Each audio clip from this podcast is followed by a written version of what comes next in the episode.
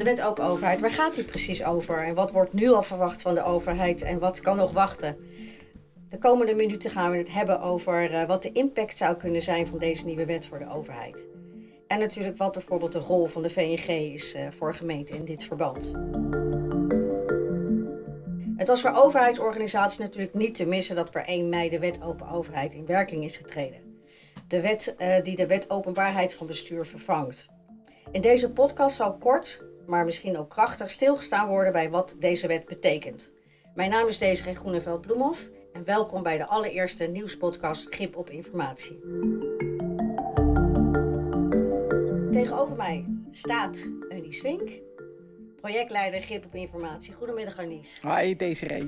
Welkom. Fijn dat je er bent. Goed om te zien. Vertel eens, waarom is die WOP eigenlijk vervangen door de wet open overheid? Voldeed hij niet? Ja, voldeed hij niet? Nou, eigenlijk niet. Hè. Uh, anders hoef je namelijk niets te vervangen als iets het voldoet.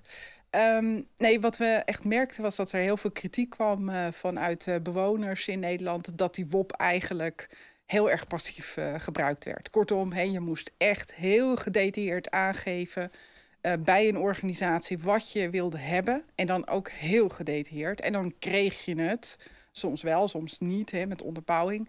Daar was minister in dit geval wel een beetje klaar mee. En die wilde dus van dat passieve gedrag naar een veel actiever eh, houding. dus nu uh, moeten organisaties vanuit de overheid allerlei soorten informatie actief gaan openbaren. En de verwachting is dat het ook gaat gebeuren? Ja, dat is natuurlijk altijd een hele goede vraag. gaat dat gebeuren? Um, wat je merkt, en zeker in de sessies die wij houden met gemeenten, is dat er toch nog heel vaak gevraagd wordt naar alle dingen die ze niet toe hoeven openbaren. Dus in plaats van dat je al merkt tijdens uh, dat soort sessies dat uh, de cultuur is dat heel erg gekeken wordt naar open zijn, transparant zijn, duidelijk maken waar je dingen gezegd hebt of niet gezegd hebt merk je nu dat uh, overheidsorganisaties nog steeds zoeken naar, ja, maar hoef ik dit dan niet te publiceren? En een goed voorbeeld daarvan is dat uh, een van de documenten die we laatstelijk gezien hebben, die al openbaar is gemaakt en die voorheen niet openbaar was, uh, was de WhatsApp-conversatie met Hugo de Jonge over de mondkapjes. En daar waren nul woorden uh, uh, niet weggelakt. Alles was dus weggelakt. Het is één groot zwart document geworden. Dat is dus een goed voorbeeld van dat die overheid toch nog wel huiverig is om uh, openbaar te zijn. Ja, dat heeft natuurlijk nogal wat wind, of dan noem je dat, uh, stof doen opwaaien. Dat is de uitspraak. Ja, absoluut. Uh, we zijn nu al een beetje ingegaan op de inhoud, uh, maar even over de inwerkingtreding. Er is sprake van een gefaseerde inwerkingtreding. Um, waar krijgen gemeentes nu al mee te maken en waar krijgen gemeentes later mee te maken? Ja. Kijk, van oorsprong was natuurlijk het idee bij deze wetgeving hè, dat alles tegelijk zou starten. Nou, dat is niet gebeurd. Dus wat organisaties nu al moeten hebben, is een uh, WO-contactpersoon. Uh, ze moeten een WO-verzoek uh, kunnen aannemen en een WO-verzoek kunnen beantwoorden.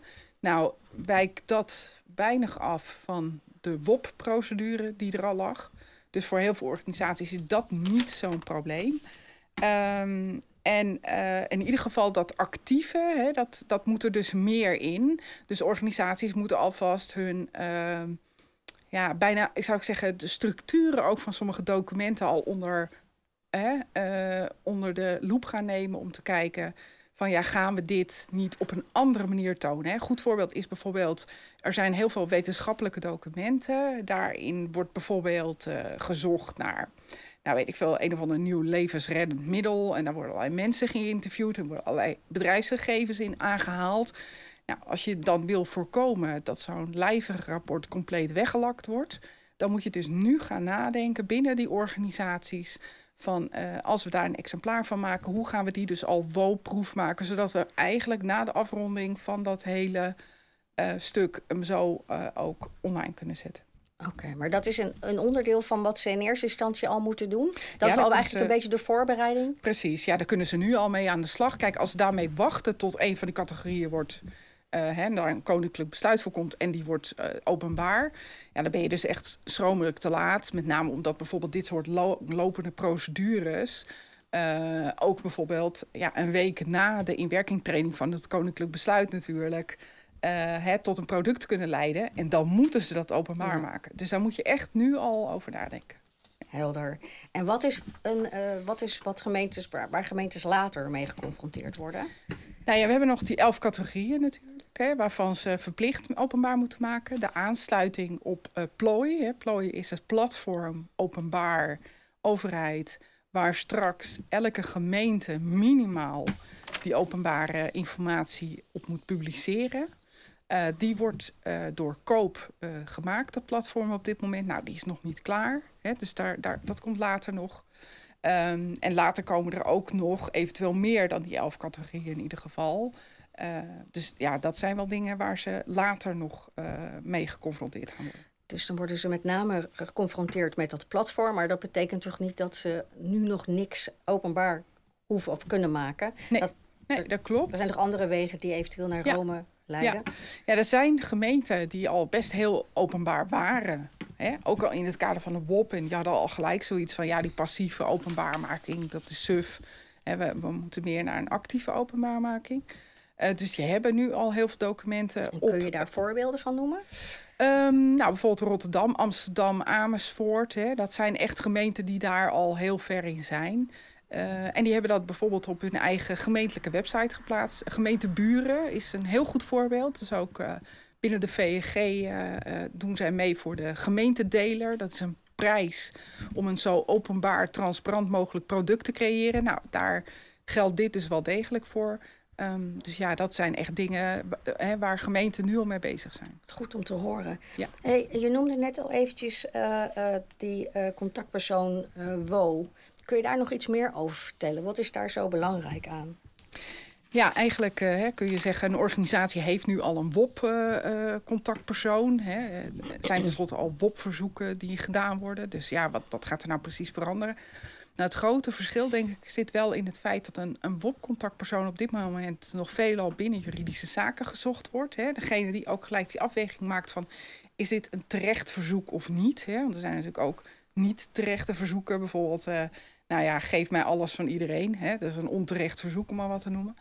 Um, dus zij uh, waren nu vooral bij de WOP in de lead. En wat we nu merken is dat die WO-contactpersoon...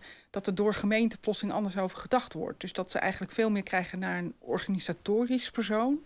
Um, die vooral het proces begeleidt. En dus da daar zit wel echt wel een verschil tussen een WOP-coördinator... en een WO-contactpersoon. Uh, nou, dat, zijn, dat is echt wel een, een groot verschil. Ja. Helder. Um, zo te horen hebben gemeentes uh, uh, best wel wat werk uh, liggen. Um, hoe komen gemeentes nou aan hun informatie? Althans, waar zouden ze informatie kunnen opdoen? Ja, nou, kijk, naast dat wij uh, uh, ons als uh, VNG ten doel hebben gesteld om voor gemeenten, die opdracht hebben we ook gekregen vanuit het Rijk, te zorgen dat we zoveel mogelijk informatie met ze delen. Er zijn er nu al gewoon best wel veel informatiebronnen waar ze naartoe kunnen. je hebt zeg maar binnen het Rijk zelf, hè, voor koop is er bijvoorbeeld een nieuwsbrief. Daar kunnen mensen zich op abonneren. Um, dan krijg je in ieder geval vers van de pers uh, de eerste informatie die zij willen delen. Uh, dat kan soms heel prettig zijn, uh, want daar staan soms ook wel nieuwtjes in die wij dan nog niet snel genoeg oppakken. daarnaast hebben we op de we een WO-pagina, zoals dat heet. En dat hebben wij ook op het KIA-platform, dat is Kennis, Informatie en Archieven platform. en daar kun je inderdaad allerlei linkjes vinden naar relevante informatie. Uh, en daar kun je dus als gemeente al best wel veel weghalen. En worden er nog, uh, uh, want je hebt, nee, bent even, stilgest hebt even stilgestaan bij de rol van de VNG. Ja. De VNG organiseert regelmatig ook online bijeenkomsten. Ja. Kun je daar iets over vertellen de komende tijd? Of zijn er bijeenkomsten geweest? Ja.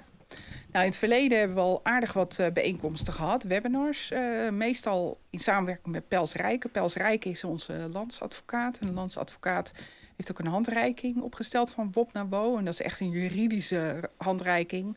Ook echt bedoeld voor juristen. Is ook eigenlijk gewoon praktisch weinig in te vinden. Um, maar goed, Pels Rijken kan daarentegen heel goed uh, uh, beschrijven waar nu die grensgevallen liggen. Want er zijn natuurlijk heel veel grensvragen bij gemeenten.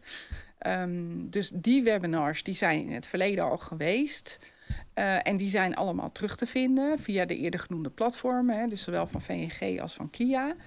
Um, en in de toekomst is de intentie dat we naast die webinars uh, oh ja, we hebben ook nog een vragen, een QA, zeg maar. Hè? Dus vragen en antwoorden hebben we verzameld uit die webinars uit het verleden.